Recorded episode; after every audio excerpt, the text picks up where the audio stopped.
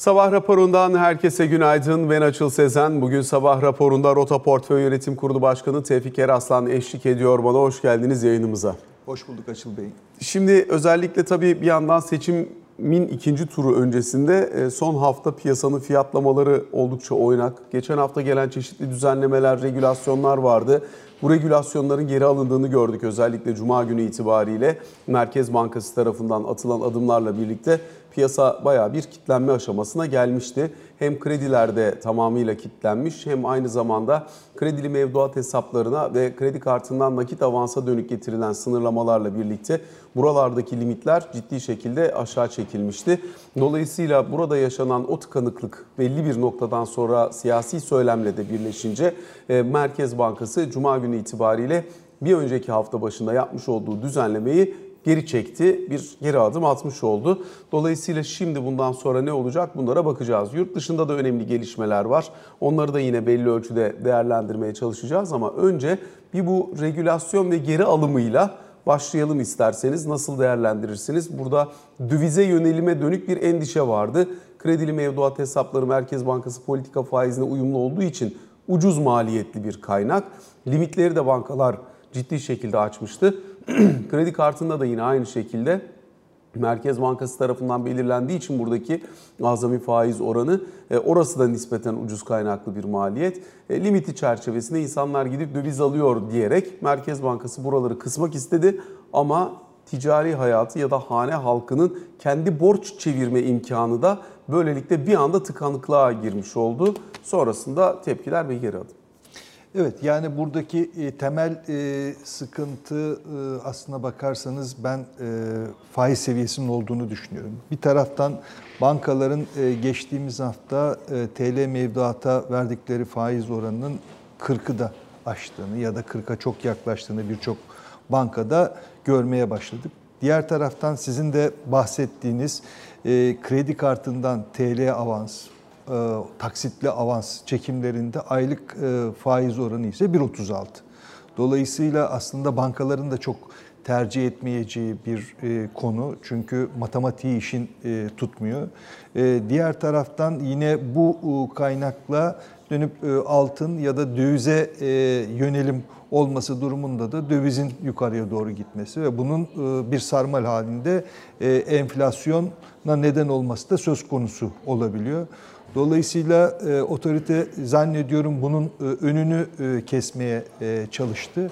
Ama burada e, bu tip bir önlemle ön almaya çalıştığınız anda ekonominin durması da söz konusu olabiliyor. Biraz önce siz de ifade ettiniz. Zannediyorum bu yönde çok fazla eleştiri gelince e, bu karardan geri adım atılmak durumunda kaldı.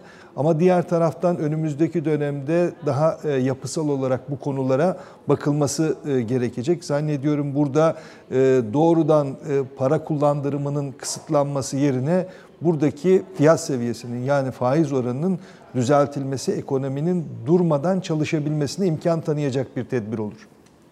Şimdi burada tabii ki dövize olan hassasiyetin arttığını anlıyoruz. Çünkü bir önceki haftanın rezerv verisine baktığımız zaman Perşembe günü itibariyle gelen rezerv verisinde brüt rezervlerinde Merkez Bankası'nın 9 milyar dolar civarında bir azalış gerçekleştiğini anlıyoruz. Burada 1.4 milyar dolarlık bir altın azalışı var. Aynı zamanda benzer şekilde brüt döviz rezervlerinde de 7.5-7.6 milyar dolar civarında bir azalış olduğunu gözlemliyoruz. Genel anlamıyla bakınca hem Merkez Bankası'nın rezervi üzerinde bu sistemin temelini rezerv politikası ve aktif rezerv yönetimi oluşturduğu için hem bu bacakta ciddi anlamda soru işareti olduğunu görüyoruz. Hem de aynı zamanda orta uzun vadede sistem bu şekliyle devam edecek mi? Buna ilişkin yeni soru sorduruyor ister istemez. E, sonuçta Haluk Bürümcekçi'nin yaptığı hesaplamaya göre e, yapılan bütün ihracatçı alımları, diğer alımlar vesaire bunlara baktığın zaman e, ve aynı zamanda akıma ve Merkez Bankası'nın rezerv politikasına baktığın zaman 3.7 milyar dolar civarında sadece önceki hafta seçim haftasında piyasaya satış hesabı yapmış. Yılbaşından bu yana 21 milyar doların üzerine gelmiş diyor. Ee, önemli rakam bundan sonrası açısından ne söyler bize? Evet yani e, bu o, politikanın ürettiği sonucun dövize olan talebi arttırdığını e, gözlemliyoruz. O, o nedenle de e, şu dönemde tek e, döviz sağlayıcısı da Merkez Bankası e, olduğundan dolayı ya da ağırlıklı olarak Merkez Bankası olduğundan dolayı Merkez Bankası rezervlerinde buna bağlı olarak bir e, azalmayı gözlemliyoruz. E, bahsettiğiniz rakamlar Merkez Bankası tarafından doğrudan açıklanan rakamlar olmamakla birlikte bir hesap yaptığınız zaman yaklaşık olarak rakamları bu şekilde bulabilmek mümkün. Dolayısıyla ben de benzer bir rakamın satıldığını değerlendiriyorum. Bu şunu gösteriyor. Böyle bir patika ile Türkiye ekonomisinin önümüzdeki dönemde devam edebilmesi çok güç. Bu bizi çok büyük sıkıntılara götürebilir. Dolayısıyla bu eğilimin önüne geçecek başka tedbirlere ihtiyaç duyuluyor diye gözüküyor. Seçim öncesi bunların alınmasının güçlüğünün hepimiz farkındayız. Dolayısıyla seçimden sonra kim gelirse gelsin bu konulara el atmak durumunda kalıyor olacak. Çünkü ekonominin çalışması e, ülke e, nüfusunun tamamının menfaatine bunu e, iyi bir şekilde çalıştırmak durumunda olacağız. Yine verdiğiniz rakamların dışında mesela aynı zamanda KKM'de çok ciddi artış oluyor. Yani dolarizasyon sadece döviz talebiyle gitmiyor. Diğer taraftan KKM, KDM tarafında da çok ciddi bir artış var. Orada da rakam 119 milyar dolara dayanmış e, durumda. Dolayısıyla bu tarafta da dolarizasyonun devam ettiğini gözlemliyoruz. Şimdi kur korumalı mevduat normal koşullar altında tabii kur e, şokunun yaşandığı dönemi hatırlayacak olursak o dönem açısından çok kurtarıcı bir nitelik taşıdı. Fakat sonrasında Merkez Bankası'nın e, tırnak içinde liralaşma stratejisinin yürütülmesi için de temel fonksiyon haline gelmiş oldu. Şu an itibariyle e, kur korumalı mevduatta 120 milyar dolara gelmiş olması rakamın.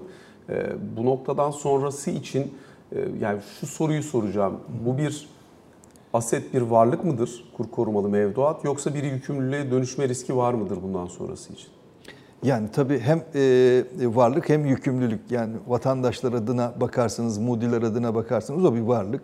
Ama diğer taraftan e, bunun... Devlet o, üzerinden soruyoruz. Devlet üzerinden sorduğunuz zaman devlet üzerinden de bunun bir e, yükümlülük olduğunu görüyoruz. Dolayısıyla 120 milyar dolara yaklaşan bir yükümlülük devlet tarafında zaman içerisinde oluşmuş durumda. Dolayısıyla da artık KKM bir günde tamamlansın, kapansın diyebilecek bir noktada değiliz. Ee, önümüzdeki dönemde ekonomi yönetiminin en önemli konularından bir tanesi artık KKM olacak. Dolayısıyla KKM'nin nasıl sürdürülebilir bir modele dönüştürülebileceği bence ekonomi yönetiminin en fazla kafa yoracağı konulardan bir tanesi e, olur. Şu andaki haliyle ve tüm e, yükümlülüğünün e, devlette yani hem bütçede hem de Merkez Bankası üzerinde olduğu bir yapı mı tercih edilir? Yoksa piyasadaki arz talebe göre bir faiz haddi üzerinden yine buradaki yükümlülüğün özel sektörün üzerinde kaldığı bir versiyonu önümüzdeki dönemde tedricen geçilebilir mi? Nasıl olabilir bu? Yani şu anda mesela Hazine ve Maliye Bakanı Nurettin Nebati'nin açıklaması 95.3 milyar e, TL şu an itibariyle üzerindeki bütçe üzerindeki yükü diyor. Bu sadece hazine karşı taraflı işlemler. Evet. Yani Türk liram var, kur korumalı mevduata geçtim. Bir de Merkez Bankası tarafı var ki ağırlıklı olan zaten yapı Orası. orada. E, Merkez Bankası'nda da diyor ki Merkez Bankası sen zaten bana döviz getiriyorsun. Dolayısıyla bende de paran döviz olarak duruyor. Dolayısıyla bu bir yükümlülük değil benim açımdan ya da bir ekstra çok yüksek bir maliyet olmuyor diyor. E, Merkez Bankası Başkanı'nın başkan olarak ifadesi Merkez Bankası'nın genel kurulunda bunu açıklayacağıydı. Hı hı. Ama açıklamadı. Hı hı. E, bugüne kadar da açıklanmadı. Hı hı. Söz verilip yapılmamış bir e, açıklama olduğu için insanlar merak ediyor haliyle ama bu konuda e, hani bundan sonrası için ne beklenilebilir? Biraz onu tartışalım isterseniz. Doğru yani burada e, biraz önce siz ifade ettiniz e, bütçe üzerindeki yükünü e, Sayın Bakan açıkladı. Merkez Bankası üzerindeki yükünü bilmiyoruz ama sonuçta bir devalüasyon farkının toplamda buradaki büyüklük üzerinden ne kadar rakam doğurabileceği konusunu bütün matematiği bilen herkesin yapabilmesi söz konusu. Burada yine Sayın Bakan'ın... Bu arada açıklansa Hani niye bu kadar oldu demek zorunda kalınmaya da bilir. Sadece hani kredibilite açısından değerlidir, önemlidir rakamların açıklanması. Şeffaflık açısından değerlidir, önemlidir rakamların Doğru yani ama Merkez Bankası tercih etmiyor gördüğümüz kadarıyla ama dediğim gibi zaten 120 milyar dolarınız varsa yüzde bir devalüasyon oluyorsa toplamda bunun yükünün ne olabileceği konusunu e, görebilirsiniz. Ama yine açıklanan e, konulardan e, bir tanesi şuydu. Eğer KKM'de e, faiz oranı yukarıya gidiyorsa aslına bakarsanız görece olarak e, kamunun üzerindeki yükler hafifleyebiliyor. Dolayısıyla son dönemde KKM'de faizin yukarıya gidilmesine izin verildi. Dolayısıyla bir devalüasyon olma durumunda bu faiz haddini geçmeyecek bir devalüasyon farkı varsa kamunun üzerine gitmiyor. Ee, Yani biraz önce da olabilir normal şartlar altında zaten bu yüzden e, kamu tarafı. Doğru ama önümüzdeki dönemde de bunun bir yükümlülükten e, kurtulmasına müsaade etmenin bir yolu da aslına bakarsanız KKM üzerindeki faizleri serbest bırakmak ya da KKM'yi bir dövize endeksli mevduata çevirip bütün yükümlülüğünün e, bankalar üzerinde kalmasını tedricen sağlamak. Ama bu durumda tabii çok ciddi bir şekilde bankaların üzerinde açık pozisyon riski olabilir. O açık pozisyon riskinin de bir şekilde bono e, sıvabıyla ya da benzeri bir e, operasyonla yine kamu tarafından üstlenilmesi gerekecektir diye ben e, tahmin ediyorum. Ama O yükümlülük zaman yap- peki ne fark edecek? Yani kamunun kendi üzerinde kalmasıyla bono ile e, bu, bu taraf bu- tarafından garantör olarak kapsanması Bunun bu arasında. matematikle yürümesinde ciddi bir sıkıntı var. Bir de e, öyle bir metoda geçtikten sonra artık özel sektör bunu kendi bilançosunun içerisinde yönetmek zorunda kalacağı için daha hesaba dayalı ve e, gerçekçi fiyatlarla bu işi yönetmek durumunda kalırız. Onu özel sektör zaman içerisinde tedricen azaltabilir diye ben e, değerlendiriyorum.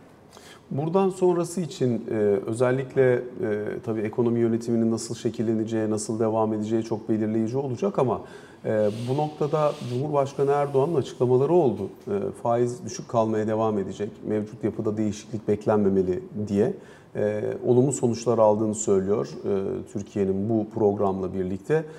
Daha da olumlu sonuçlarının alınacağını ifade ediyor CNN'e vermiş olduğu mülakatın içerisinde. Dolayısıyla bu politikayla devam açısından baktığınızda avantajları nerede, riskleri nereler, nerelerde görürsünüz? Yani şeye baktığım zaman e, büyüme ve işsizlik rakamlarının aşağı gelmesi açısından baktığımız zaman program e, başarılı e, oluyor. Ama diğer taraftan bunun da ciddi bir maliyeti var. Merkez Bankası döviz rezervini hızlı aşağıya çekiyor. İleriye dönük olarak güveni hızlıca aşağıya alabiliyor. Şu anda aslına bakarsanız Merkez Bankası faizi 8,5 ama diğer taraftan piyasada biraz önce de bahsettiğimiz gibi mevduat faizleri 41'e kadar da yükseliyor. KKM faizleri bile 30'un üzerinde zaten. Orada da yani 30'un üzerinde rakamlar var. Demek ki Türkiye artık tek bir faizin olduğu bir ülke değil.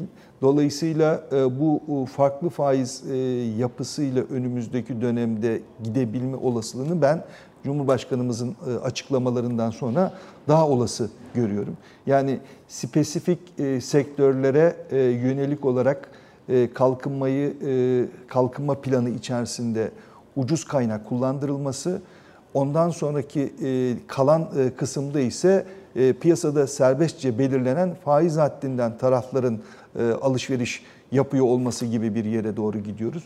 Çünkü kamu açısından da aslına bakarsanız çok değişen bir şey yok. Türkiye'de son uygulamalarla biz neyi yapmıştık aslına bakarsanız? Kredi faizlerinin üzerinde bir faiz limiti var. Bu faiz oranının üstünde bankalar kredi verdikleri takdirde menkul kıymet tesis etmek durumunda kalıyorlar. Bunun altındaki faiz haddiyle kredi kullandırdıkları zaman da bunun birkaç tane kaynağı var.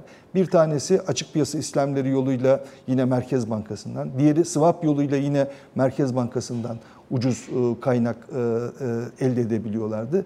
Bir de biraz önce sizin de söylediğiniz KKM ve KDM'nin devalüasyon farkı maliyeti devletin üzerindeydi.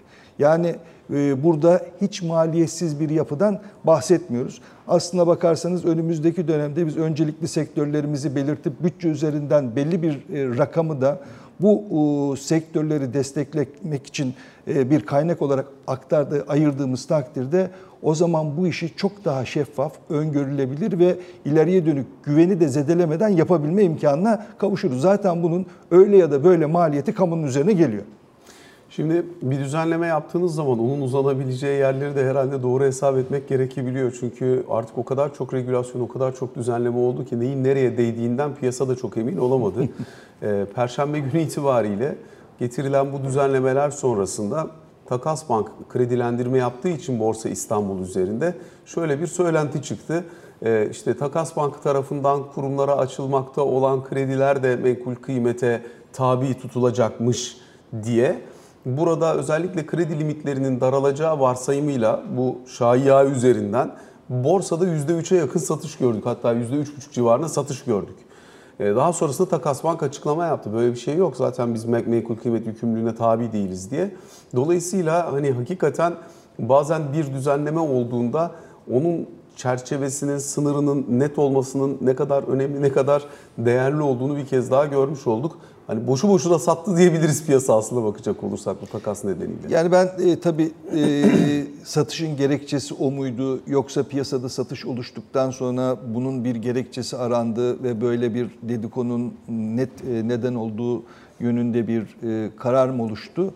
Onu e, çok e, öngöremiyorum. Sonuçta Takas Bank'a açıklama yaptırdılar Ha, yani. ya- yaptırmak zorunda kaldılar. Ama e, açıl e, şu söylediğinde çok haklısın. E, Bundan sonra yapılacak e, düzenlemelerde mümkün olduğu kadar taraflarla istişare ederek ve etki analizi yapılarak kararların alınması, ondan sonra mümkünse e, çok sayıda karar alınma, alınmaması ve sistemin mümkün olduğu kadar tedrici bir şekilde de sadeleştirilmesi, insanların önünü görebilmesi açısından çok çok kıymetli olacak. Peki Borsa İstanbul geneli açısından baktığınızda nasıl görüyorsunuz genel gidişatı diye sorayım. Çünkü endeks toparlamaya da çalıştı. Seçim sonrasında ilk birkaç gün e, bir önceki haftaki pozitif fiyatlamanın ardından bir kötümser fiyatlama olmuştu. E, onu biraz e, dengelemeye çalıştı. İkinci günün ortasından itibaren o dengeyi sağladı. Tam yukarı giderken Perşembe günü bu oldu ama zaten kısa haftaydı. Dolayısıyla seçime doğru giderken bu hafta için genel olarak yatırımcı yaklaşımını nasıl görüyorsunuz? Yani e, bu ortamda çok fazla e, hareket olmasını beklemiyorum. Çünkü e, büyük oranda e, piyasada e, bir durumu değiştirecek haber akışı da şu anda gözükmüyor. Diğer taraftan seçimden sonra temel olarak hangi taraf kazanırsa kazansın. Yapılması gereken işlere baktığımızda bunlar da büyük oranda borsayı etkileyecek cinsten kararlar olacak. Bir tanesi şu andaki faiz yapısı çok ciddi bir şekilde e, döviz talebine neden oluyor. Dolayısıyla faiz haddi konusunda e, bir takım değişikliklere ihtiyaç e, duyulduğu kesin. Diğer taraftan dövizle ilgili olarak bir hareketlenme var. E, Bir önceki seçim seçimden önce aslına bakarsanız serbest piyasayla bankalardaki kur seviyesi arasındaki fark %10'a kadar çıkmıştı. Şimdi geçtiğimiz bir hafta içerisinde bu farkın %4'e kadar hatta hafta içerisinde biraz daha aşağı gelebilmişti. Bu farkın e, kapandığını gördük. Demek ki seçimden sonra böyle bir e, farkın e, kalmayacağı e, biraz da serbest piyasadaki kurla bankalardaki kurun eşitleneceği bir yere doğru hareket ediyor olacağız. Bu da e, zannediyorum hisse senetleri üzerinde etkili olacak unsurlardan bir tanesi. Bir de Türkiye e, çok ciddi bir şekilde e, harcama bütçesi oluşturdu. E, Bu e, bir takım e, zorunluluklardan olanı var. Bir kısmı da e, seçimler nedeniyle verilen vaatler nedeniyle oluştu. O nedenle önümüzdeki dönemde seçimden sonra yapılacak işlerden bir tanesi de bütçede gelirleri arttıracak bir takım kararların alınması söz konusu olacak.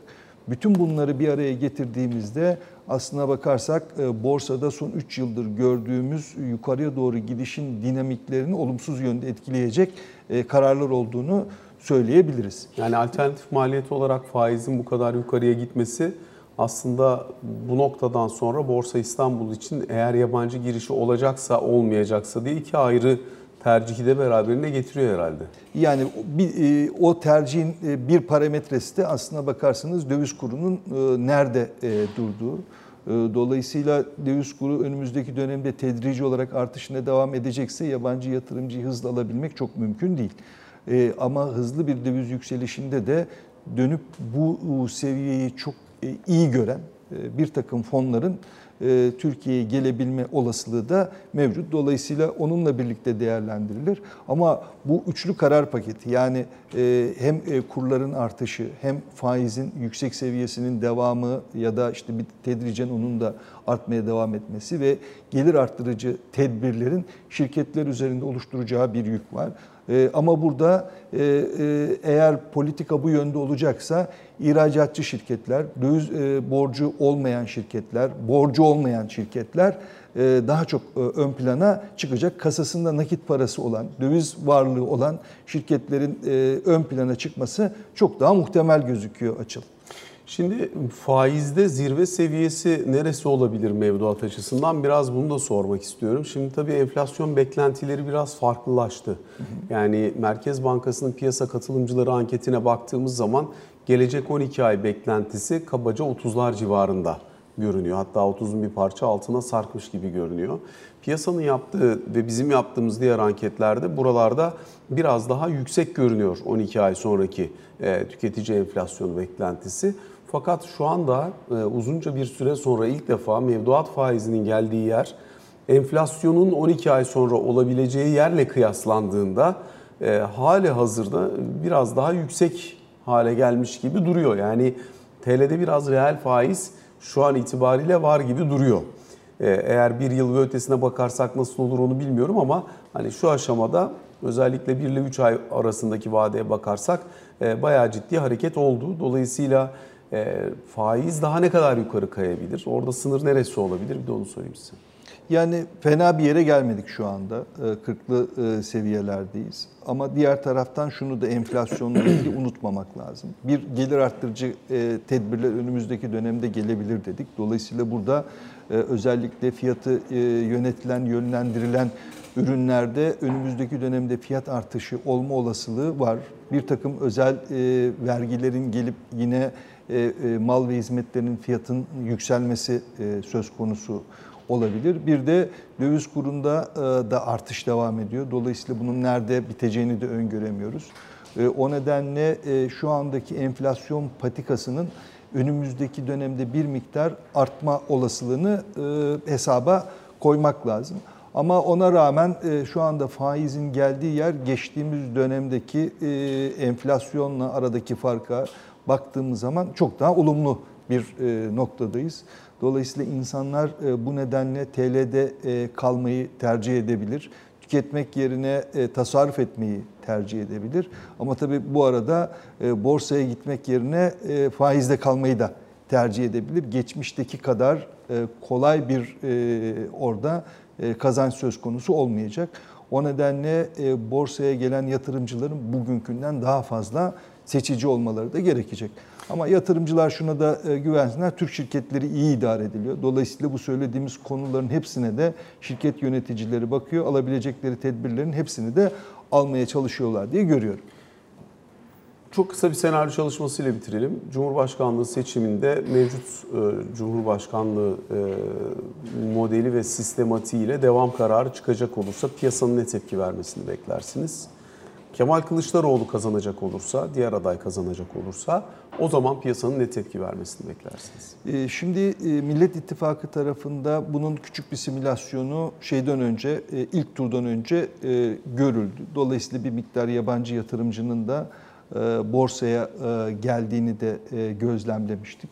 Ama bir parametre değişikliği var. Parlamento şimdi Cumhur İttifakı tarafında kaldı. Dolayısıyla hani o varsayım her iki tarafında e, Millet İttifakı tarafında kalabileceği üzerine odaklanmıştı. Doğru mu? Doğru. Yani çok doğru bir analiz. Şimdi artık e, Millet e, İttifakı'nın mecliste çoğunluğu alamadığı, Cumhur İttifakı'nın çoğunluğu aldığı bir yapı söz konusu. Dolayısıyla istikrar açısından bakıldığı takdirde yabancı yatırımcı da eğer gelecekse burada Sayın Erdoğan'ın Cumhurbaşkanı seçiliyor olmasını e, para getirmek için e, ön şart olarak görebilir. Dolayısıyla da e, bu e, konu artık e, onların da masasında olacaktır. E, O nedenle e, yabancı yatırımcının e, gelebilme olasılığı büyük oranda Sayın Erdoğan'ın Cumhurbaşkanı seçildiği ama ekonomi yönetimiyle ilgili olarak da atadığı isimlerin ve oluşturduğu politikanın yabancı yatırımcılara güven verdiği bir ortamda söz konusu olabilir diye değerlendiriyorum. Sayın Tevfik Araslan çok teşekkür ediyoruz. Değerli görüşlerinizi ve yorumlarınızı bizlerle paylaştığınız için sabah raporunda ilk bölümü böylece kapatıyoruz. Kısa bir ara sonrasında Ali Can Türkoğlu ile ikinci bölümde karşınızda olacağız.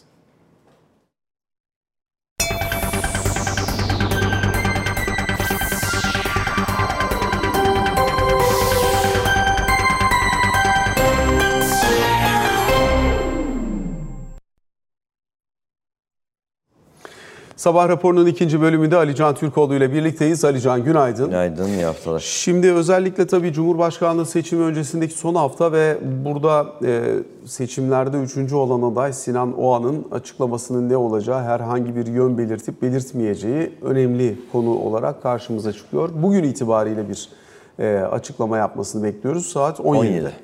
Dolayısıyla ne söyleyeceğine dair var mı herhangi bir duyumunuz? Ee, bilgi yok.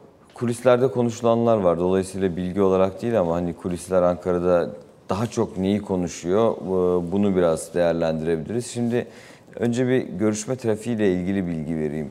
Ee, hem Sinan Oğan'la hem Sinan Oğan'a destek Ata İttifakı'nın Cumhurbaşkanı adayı da hatırlanacağı gibi yani e, Zafer Partisi ve Adalet Partisi'nin oluşturmuş olduğu ittifakın adayıydı Sinan Oğan. Bu kapsamda e, hem Sayın Oğan'la hem Sayın Özdağ'la e, yani e, Zafer Partisi Genel Başkanı Ümit Özdağ'la bir takım görüşmeler gerçekleştirildi. İşte Cuma günü e, Kemal Kılıçdaroğlu ile Ümit Özdağ bir araya geldi. Aynı gün e, Sinan Oğan'la Recep Tayyip Erdoğan bir araya geldi biliyoruz. E, bu kapsamda Cumartesi günü de e, Özdağ ile Oğan'ın bir araya geldi biliyoruz. Bilmediğimiz şey geçen hafta ee, aynı zamanda Kemal Kılıçdaroğlu'nun da Sinan Oğan'la bir araya geldiği, basına bilgi verilmeden ve bilgi sızdırılmadan yapılmış bir görüşme olmuş. Çarşamba günü bu görüşme gerçekleşmiş. Yani Millet İttifakı liderlerinin toplandığı günün öncesinde, o toplantının öncesinde Sinan Oğan'la Kemal Kılıçdaroğlu bir araya geliyor ve kamuoyuna bir bilgi yapılmıyor bilgi verilmiyor ama daha sonrasında Kemal Kılıçdaroğlu görüşmeyle ilgili olarak Millet İttifakı'nın e, diğer genel başkanlarına e, bilgi vermiş toplantıyla ilgili olarak. Şimdi yapılan açıklamaları da genel olarak okursak Ata İttifakı'nı neden söyledim? Ata İttifakı'nı oluşturan diğer siyasi parti Adalet Partisi. Adalet Partisi Genel Başkanı Vecdet Öz ki bugün Kemal Kılıçdaroğlu'yla da bir görüşmesi olacak.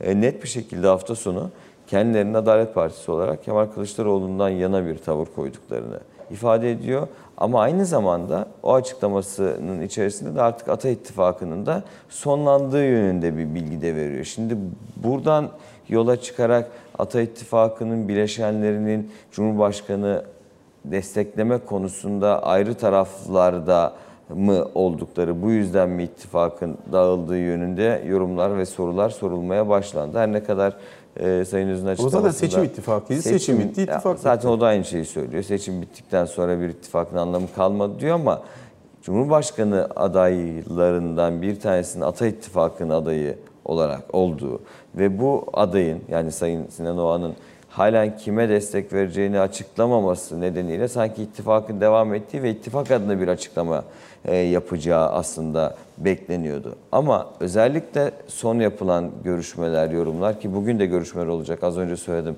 Adalet Partisi Genel Başkanı Kemal Kılıçdaroğlu ile görüşecek. Ümit Özdağ ile de AK Parti e, Genel Başkan Vekili Numan Kurtulmuş'la bir araya gelecek bugün.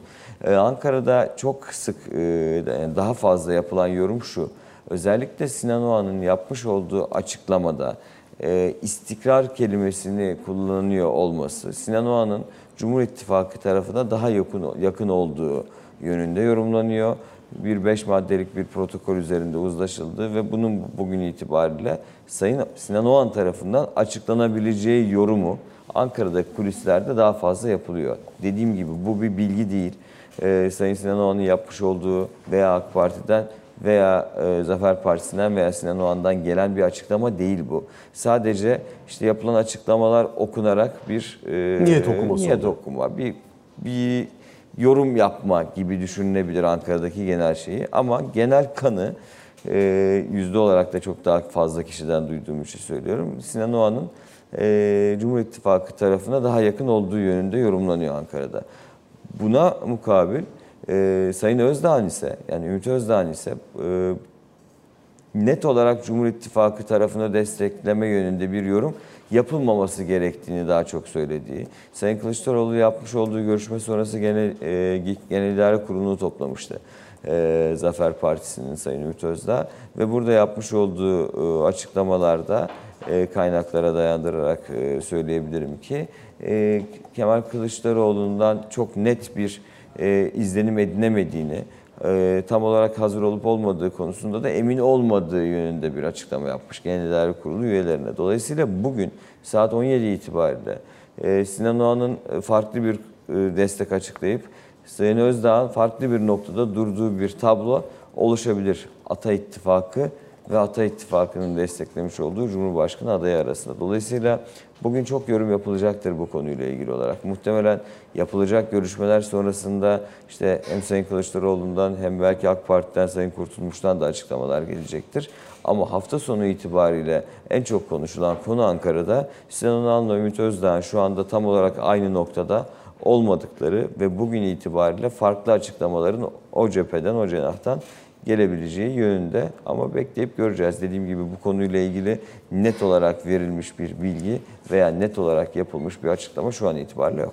Yurt dışında oy kullanma devam ediyor. Dolayısıyla oradaki e, son durum nedir, katılım ne durumda? Bir parça belki onu da değerlendirmek lazım. Ee, ilk turu konuştuğumuzda yurt dışındaki katılımın e, tüm zamanların rekorunu kırabileceğinden bahsetmiştik.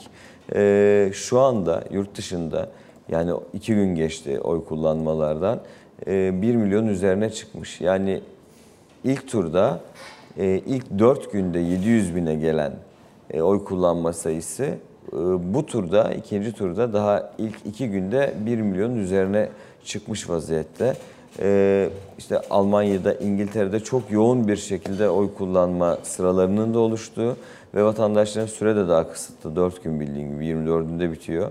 E, bu kapsamda işte bu yoğunluk öncesinde e, daha doğrusu bu takvim içerisinde bu yoğunluğun sonuna kadar da devam edebileceği ve ilk turun rekorunun ikinci turda kırılmasının da çok yüksek ihtimal olduğunu yurt dışındaki dışı için. yurt dışı için söylüyorum. Yurt dışındaki e, partilerin yetkilileri söylüyor. Çünkü muhtemelen sıkış, daha sıkışık takvim olmasının da bunda katkısı vardır.